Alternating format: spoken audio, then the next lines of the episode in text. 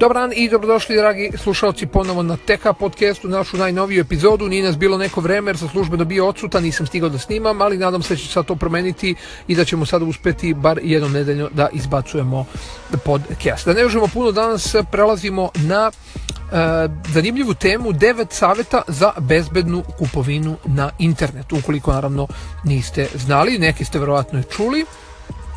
Internet je naravno veoma moćan i pre svega koristan alat za kupovinu jer je čini lakom, brzom i zabavnom. Kupovina odavno ne mora biti naporan dugotrajan obilazak prodavnica, što već i sami znamo. Ali online kupovina naravno i zahteva malo znanja i dosta zdravog razuma. Tako da koliko je zapravo bezbedna vaša internet kupovina ukoliko ste se ikada pitali? Prodavnice internetu su napravljene naravno iz dva dela. Prednji deo ili ti front end, ono što vi vidite da kupujete, i back end gdje se nalazi baza podataka i naravno sistemi koji pokreću prodavnicu.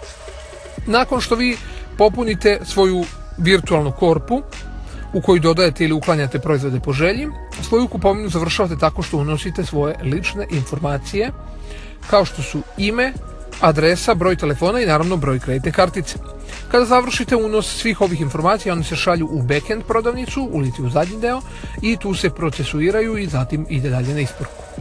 To je zapravo i najrizičniji deo kupovine, jer tada nastaje pretnja po privatnost i vaše lične podatke, kao naravno i prostor za različite prevare i pljačke bankavnog računa. Popularnost pre svega profitabilnost online kupovine stvorili su odličan prostor za mnoge prevarante koji žele da zloupotrebe, da kažemo naivnost kupaca. Nikada nemojte stvari prepuštati slučaju, i očekivati da će prodavnica umjesto vas brinuti o vašoj bezbednosti. Iako to naravno jeste njihov zadatak, ali kupovina preko interneta bit će bezbedna i uspešna samo ukoliko se i vi pridržavate jednostavnih koraka ili ti savjeta. Tako da krećemo odmah. Prvi savjet.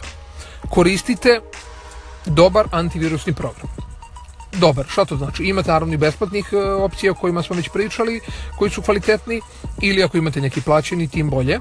Znači, od ključnog je značaja da, e, ako kupujete online, da obezbedite vaš računar od bilo kakvih virusa i drugih napada. Po dva.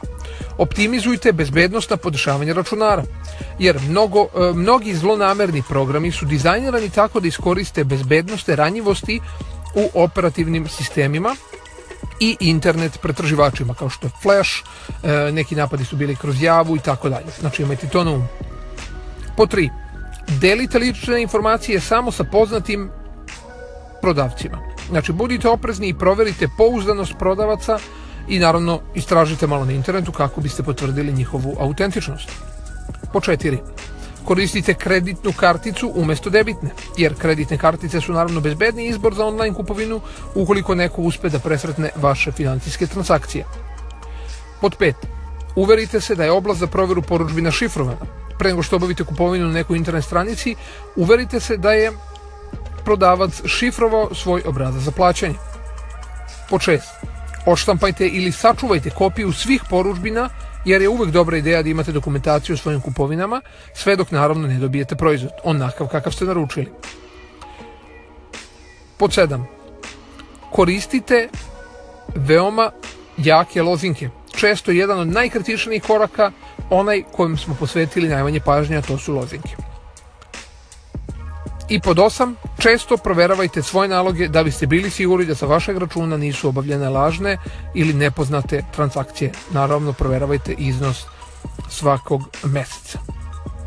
Ako izgleda suviše dobro, i kao posljednji savjet, ako izgleda previše dobro da bi bilo istinito, što znači ukoliko vam je, na primjer, ponuđen vrhunski proizvod za cenu neverovatnu nižu od realne, možda je priča zaista previše dobra da bi bila istinita, znači uključite zdrav razum i ne, na, ne nasedajte lako na ovakve stvari. Eto, to bi bilo to ukratko, nadam se da smo bar malo pomogli što se tiče tih savjeta, ukoliko i do sad niste znali ili ako ste neke znali, možda neke niste. Tako da nadam se da je ova epizoda bila korisna. Toliko za sada, vi naravno ostanite uz Tech Up podcast do neke sljedeće epizode. Ja vas pozdravljam.